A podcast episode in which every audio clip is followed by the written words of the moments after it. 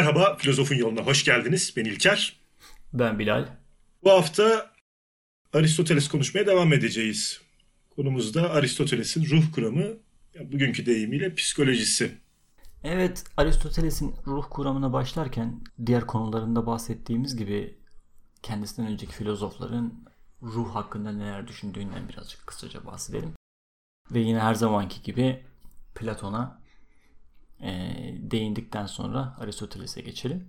E, Aristoteles'ten önceki ilk doğa filozofları ruhun ayırt edici ana karakteri olarak iki şeyi hareketi ve e, duyumdan yola çıkarak ruh hakkında maddi olarak yani Demokritos'un Demokritos atom demişti ruh için e, veya maddi şeylerin belirli oranlarda uyumu olarak orada Empedokles Empedokles'te bu örneği görüyoruz. Nitelemişlerdi filozoflar. Pitagoras'a geldiğimizde de Pitagoras bir e, dualist yapı sergilemişti. Ruhun bedenden ayrı olduğunu ve bir ruh göçü teorisinden bahsetmişti. Bu yapının aynı şekilde Platon'da da korunduğunu görmüştük hep beraber. Buna göre ruh bedenden önce de vardı. Hatta ezeli ve ebediydi. İdealar evrenindeydi. İdeaları temaşa etmişti. Her şeyin bilgisine sahipti. Unutkanlık nehrinden içerek dünyaya gelmişti. Oradaki bilgileri unutmuştu. Ve bu kurduğu hikaye ile beraber kendi bilgi felsefesini oluşturmuştu. Mitolojik bir öğeydi bu zaten. Bu konularda Platon'dan ayrıntılı olarak bahsetmiştik.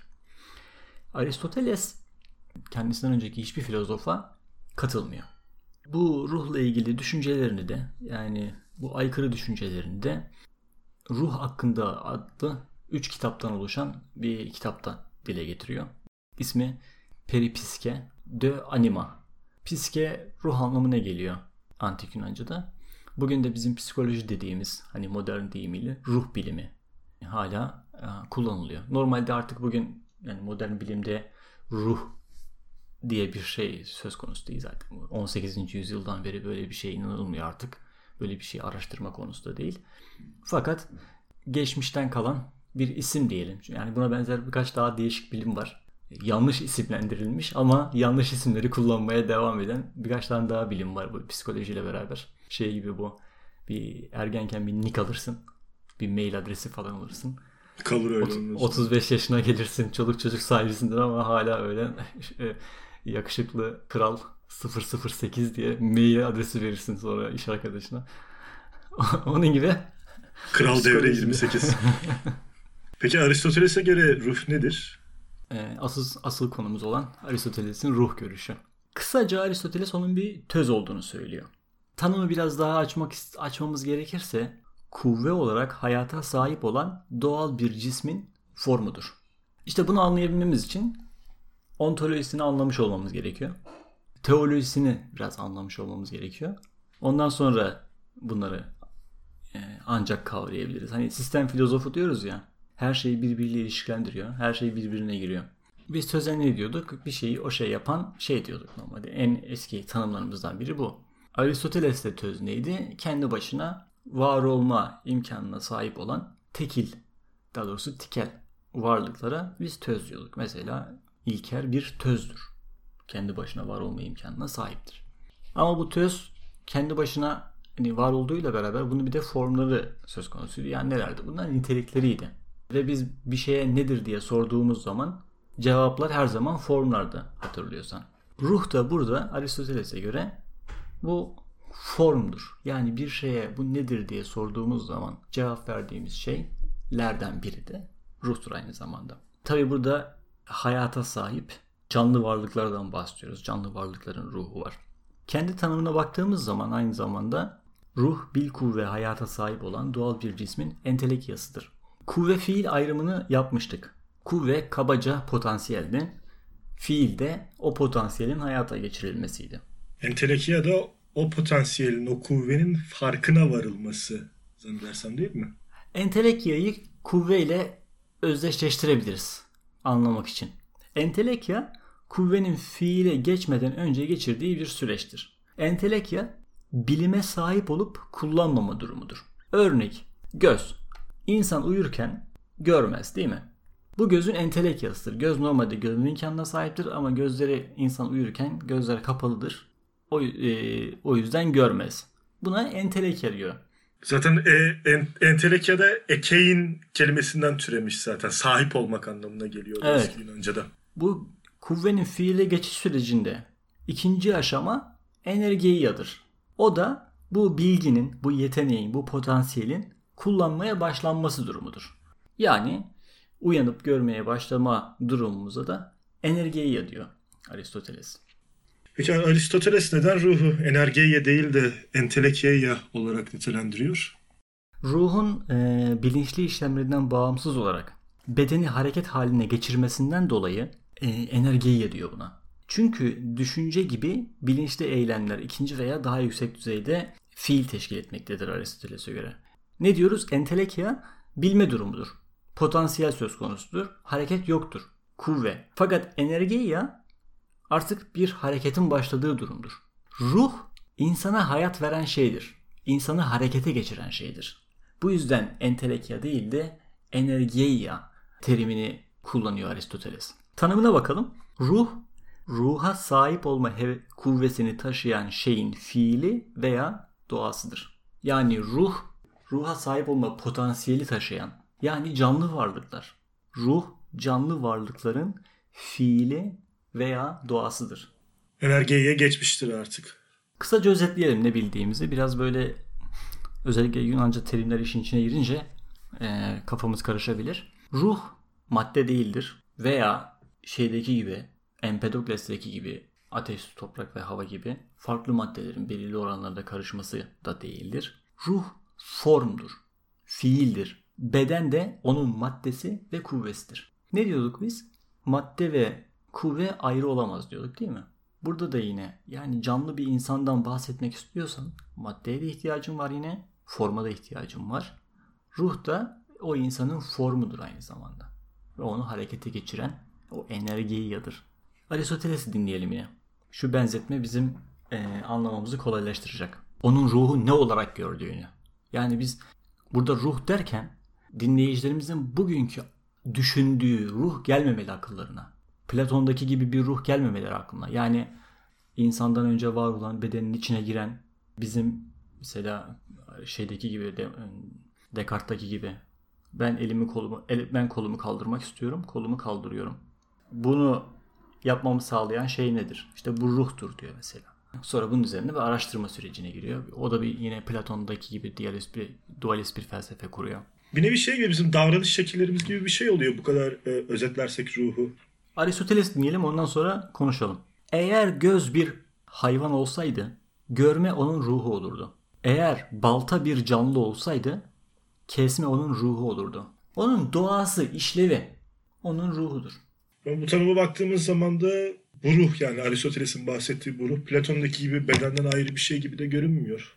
Evet kesinlikle öyle. Platon'un bahsettiği gibi bedenden önce veya bedenden e, sonra yani beden öldükten sonra yok olduktan sonra varlığını sürdürmesi söz konusu değildir. Bedenin çözülmesi, ortadan kalkması yani insanın ölmesi durumunda ruh da varlığını sürdürmeyecektir. Bedenle birlikte yok olacaktır.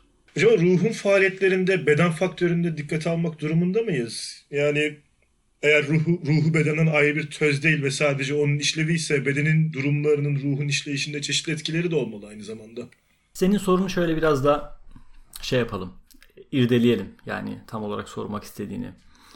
Ruhun faaliyetlerini belirleyen, ruhun işlevini belirleyen şeyler aynı zamanda bedenle ilgili de olabilir mi? Yani hani bunlar ayrı şeyler değil.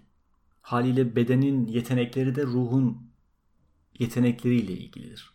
Veya bedende olan bir değişiklik ruhta da değişiklik olacaktır. Zaten Aristoteles'e göre de zihinsel fenomenler yani zihinde olup biten şeyler madde içeren sistemlerdi. Zaten insan da insan zaten madde ve form bileşimiydi her şeyden önce. E, dolayısıyla zihinsel fenomenlerin tanımı onların ne formunu yani rasyonel sebeplerini ne de maddesini yani fizyolojik koşullarını dışarıda bırakacak bir tarzda olmalıdır. Bundan dolayı da ruhun incelenmesi doğa biliminin alanına girecektir Aristoteles'e göre. Ne matematikçi ne de metafizikçi ruhu araştıramaz. Yine de canlı varlıkların farklı etkinlikleri göz önüne alınırsa tek bir ruhun tanımını yapmak biraz zor olacaktır. Çünkü Aristoteles her şeyde ruh var diyor. Canlı olan her şeyde ruh var diyor. Bu sorunun üstesinden gelmek için de Aristoteles hiyerarşik bir ruh kuramı ortaya koyacak. Buna göre canlılar birbirinden farklı üç gruba ayrılacak. Ve bu canlı grupların faaliyetleri de farklı olacak. Ne bu gruplar? Bitkiler, hayvanlar, insanlar. Buna göre yani bu hiyerarşik yapıya göre bitkilerin ruhları besleyici ruh olacak ve bunların faaliyetleri yani yetenekleri yapabilecekleri şeyler beslenme ve üreme ile sınırlı olacak. Ondan sonra hayvanlar gelecek. Hayvanlardaki ruha duysal ruh diyecek Aristoteles. Ve bu hayvanlar da beslenme ve üremenin yanında hareket, arzu duyma, iştah duyma ve bizim beş duyu dediğimiz diğer duyu, duyusal yeteneklere sahip olma özelliklerine sahip olacak bunların ruhu. Ve ay altı alemin varlık hiyerarşisinin en tepesindeki olan insanda onun ayırt edici özelliği olan akılla, akılsal ruhla karşımıza çıkacak ve onun besleyici ruh, bitkilerdeki besleyici ruh ve hayvanlardaki duysal ruha ek olarak düşünme yetisine sahip bir ruh olacak. Aristoteles'in yaptığı bu taksonomi, bitkiler, hayvanlar, insanlar ayrımı çok uzun yüzyıllar boyunca geçerli kalmış olmalı. Hani bugün bile ya bugün ya bugün günümüzde hatta canlı günümüz bilimi ışığında canlı ve cansız ayrımını da tam olarak yapamıyoruz ama hı hı. E, her şeyin atomlardan düşünülürse yani canlı ve cansız ayrımı biyolojik olarak doğru bile değil belki ama hani genel kabule sağduyumuza en uygunu bitkiler, hayvanlar ve insan olarak kategorize etmek bütün bu canlıları. Bu ilk defa Aristoteles tarafından mı yapılmış böyle bir ayrım? Ruh kuramında evet Aristoteles tarafından böyle bir ayrım yapmış. Zaten Aristoteles'in de bir aynı zamanda biyolojinin kurucusu olduğunu biliyoruz. Yani kapsamlı doğru düzgün bir sınıflamayı ilk defa Aristoteles yapıyor. Ama Aristoteles de her şeyi ilk defa kendisi ortaya koymuş değildir muhtemelen. Yani diğer filozofların da söyledikleri illa onun düşüncelerinin olgunlaşmasında katkı sağlamıştır. Bunun yanında tamam biz bugünkü bilimsel dünyada en azından doğa bilimlerinde bu ayrımı artık kullanılmaması gerekiyor ya da farklı sınıflara sahibiz, sahip diyoruz ama günlük hayatta hatta sosyal bilimlerde bu ayrım kullanılmaya devam ediliyor. Bazı doğa bilimlerinde bile kullanılmaya devam ediliyor.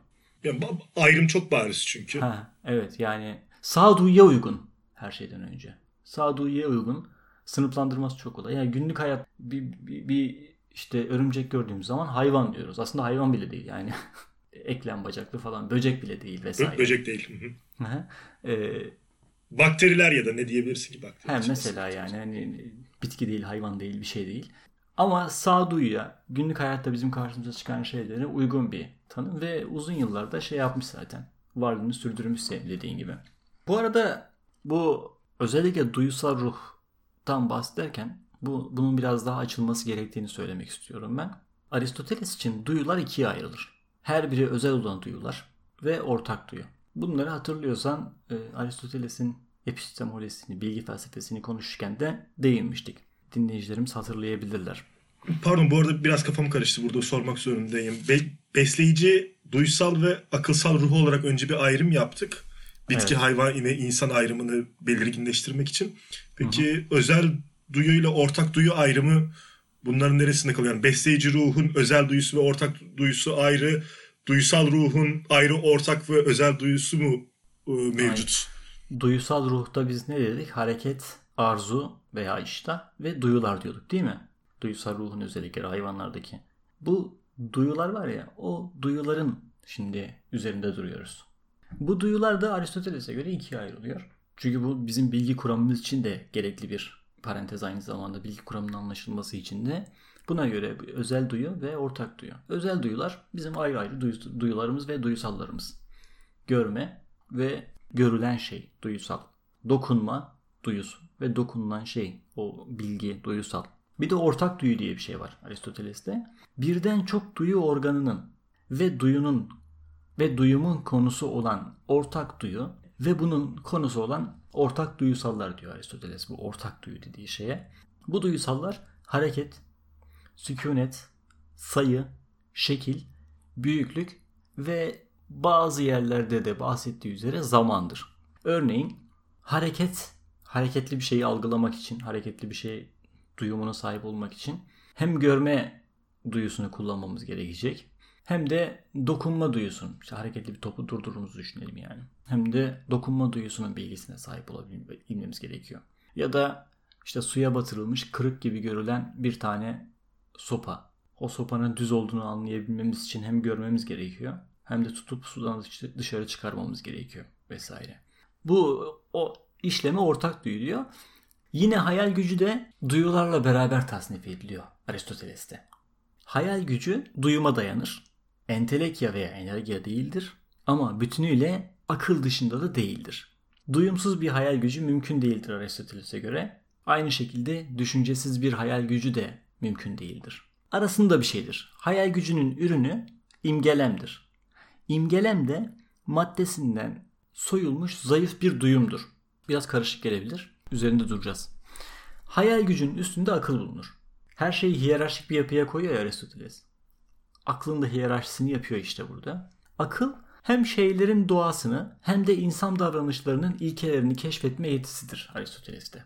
Düşünme, kısmen tasavvur, kısmen yargı gücüdür. Tasavvur kısmı da duyuma ve duyumdan kaynaklanan hayal gücüne yani tahayyüle dayanır. Çıkarsamacı akıl ise yargı gücüdür. Yani bizim hesaplamamız, ne diyoruz Aristoteles'in bilgisini, bilgi elde etmek için çıkarsamacı akıl kullanıyorduk değil mi? Mantık kullanıyorduk. Önermelerden çıkarımlar elde ediyorduk. Buna kesin bilgi diyorduk. Bu işlem aklın işlemidir. Ama bizim duyularımızla özellikle ortak duyumuzda hem normal bir duyusallarımız, özel duyusallarımız ve özellikle birkaç duyunun gerektiği yerlerde ortak duyuyla algıladığımız şeyler bizim aklımızın, düşüncemizin temel maddesidir aslında. Yani bir duyularımız olmadan hiçbir şey bilemeyeceğimiz konusunda uzlaşmıştık daha önce şeyde konuştuğumuzda. Aristoteles'in bilgi felsefesini konuştuğumuzda. Bizim bilgimizin temel kaynağı duyulardır.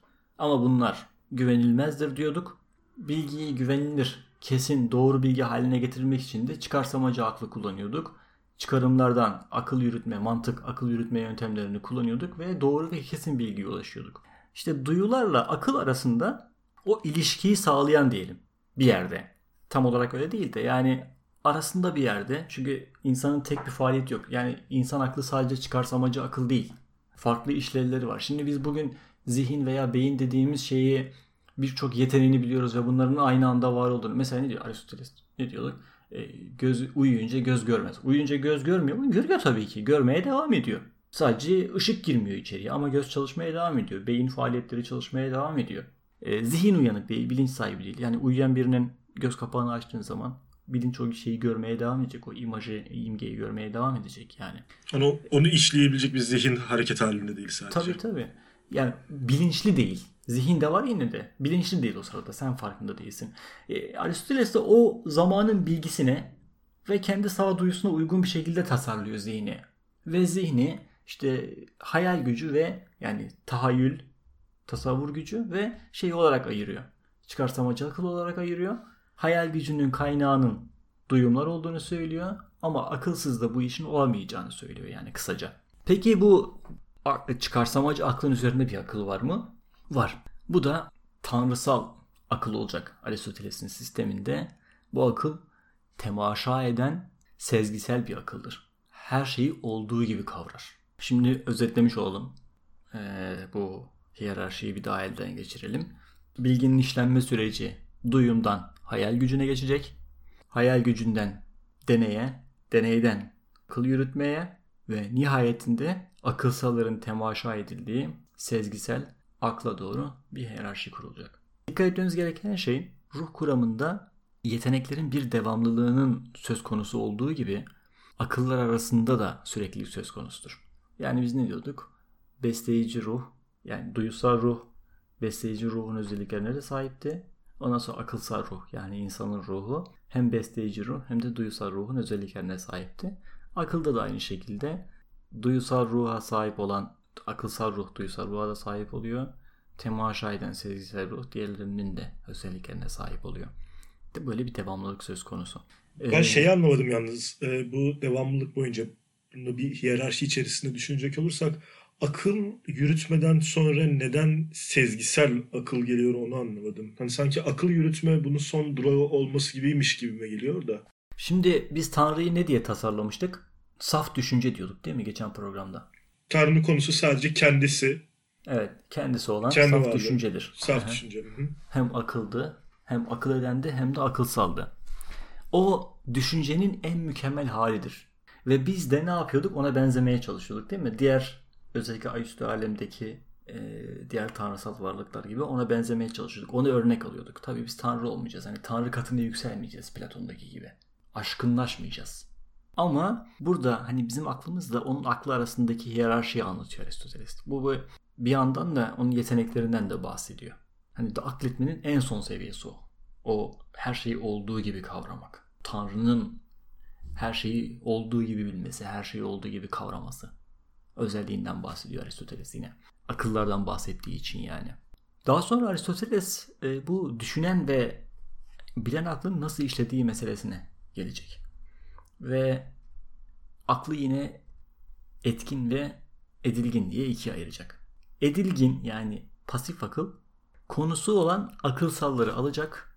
Aklın öğelerini, düşünce öğelerini akılsalların kendisi olacak kısımdır.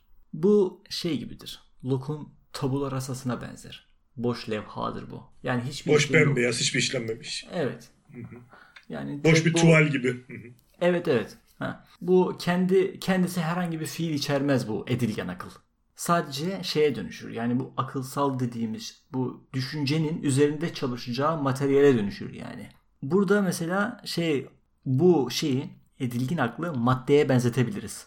Madde ve form var ya maddeye benzetebiliriz. Bu aklı harekete geçirecek olan şey bu edilgin aklı harekete geçirecek olan şey faal akıldır. Faal akıl bilgiyi yapan, meydana getiren akıldır.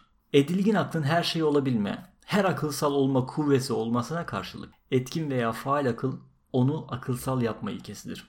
Örnek verelim. Renkler ışık sayesinde görünür değil mi? Işık olmasa bir renkleri de göremeyiz. Akılsallar da faal akıl sayesinde edilgin akıl tarafından kavranırlar. Hayır bunlar beraber çalışıyor. Birbirinden ayıramıyor. Madde formu nasıl birbirinden ayıramıyorsak bunu da birbirinden ayıramıyoruz aslında. Bunlar hep bizim zihnimizde yaptığımız ayrımlar. Bir düzgün düz çizgi gibi ilerleyen bir süreç değil, daire şeklinde gibi sanki aynı zamanda. Ya şimdi biz anlamak için biraz şey yapıyoruz. Kendi bilgimizle bazen test ediyoruz yeni öğrendiğimiz şeyleri. Özellikle felsefe gibi bir alanda. Benzeterek, uyuşturarak kendi anlayacağımız tarza dönüştürüyoruz ama bu bazen bizim kavrayışımıza engel olabilir bu yöntem.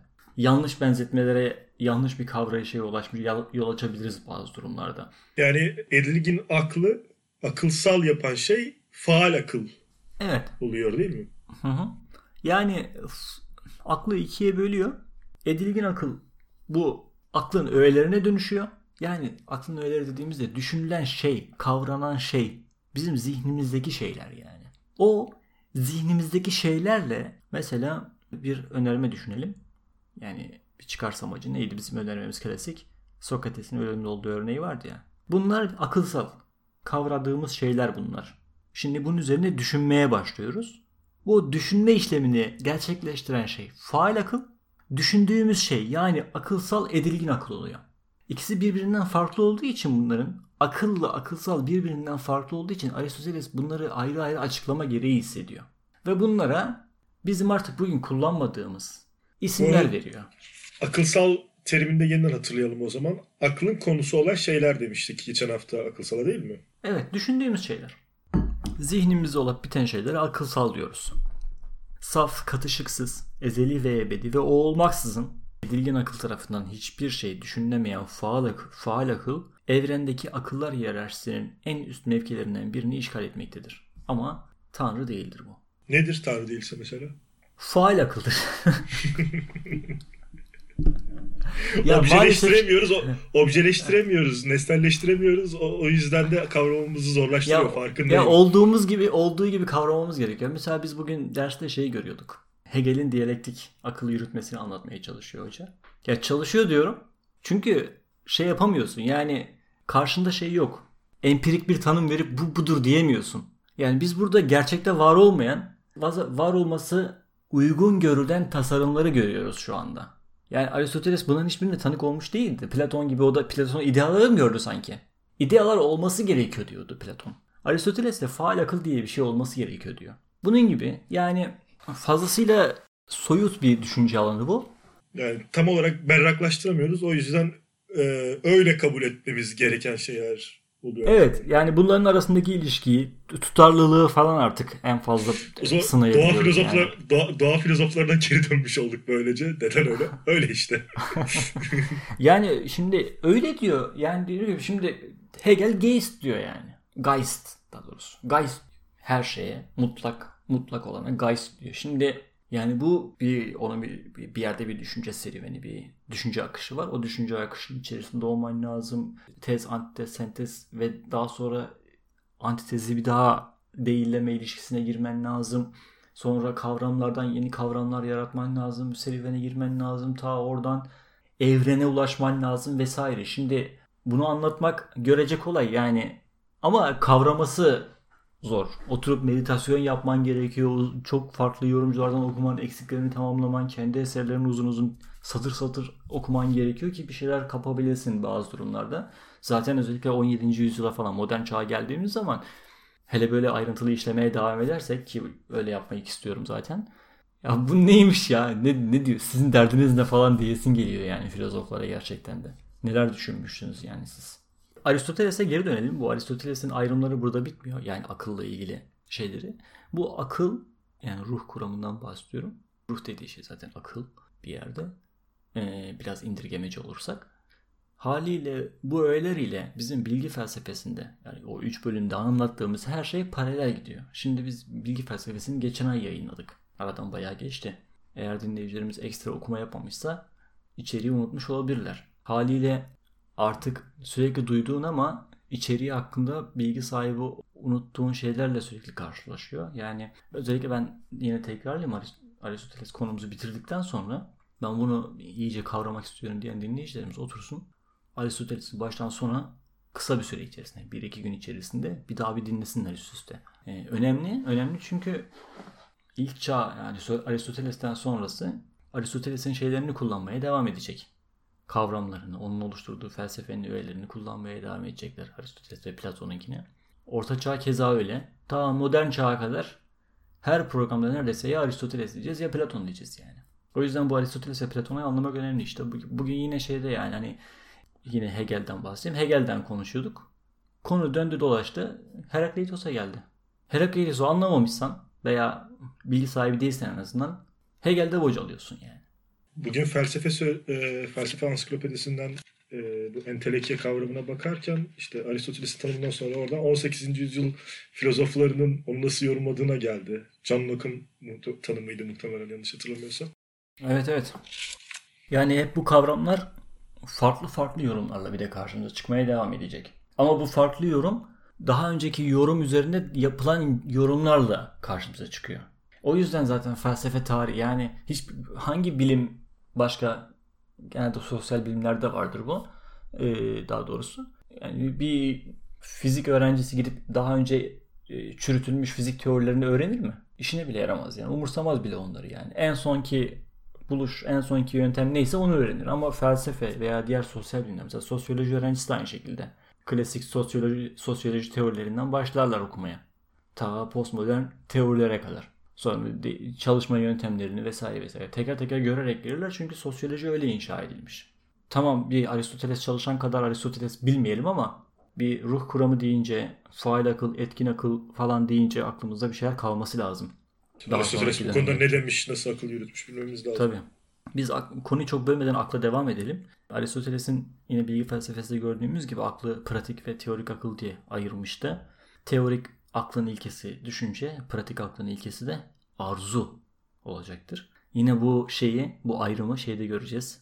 Ahlak felsefesinde de görmeye devam edeceğiz bu arzu ve... Bu ayrım biraz daha kavranması kolay zannedersem eğer doğru anlıyorsam eğer evet, evet. söylediğini. Doğrudur. Yani ruhta temel olan düşüncesidir.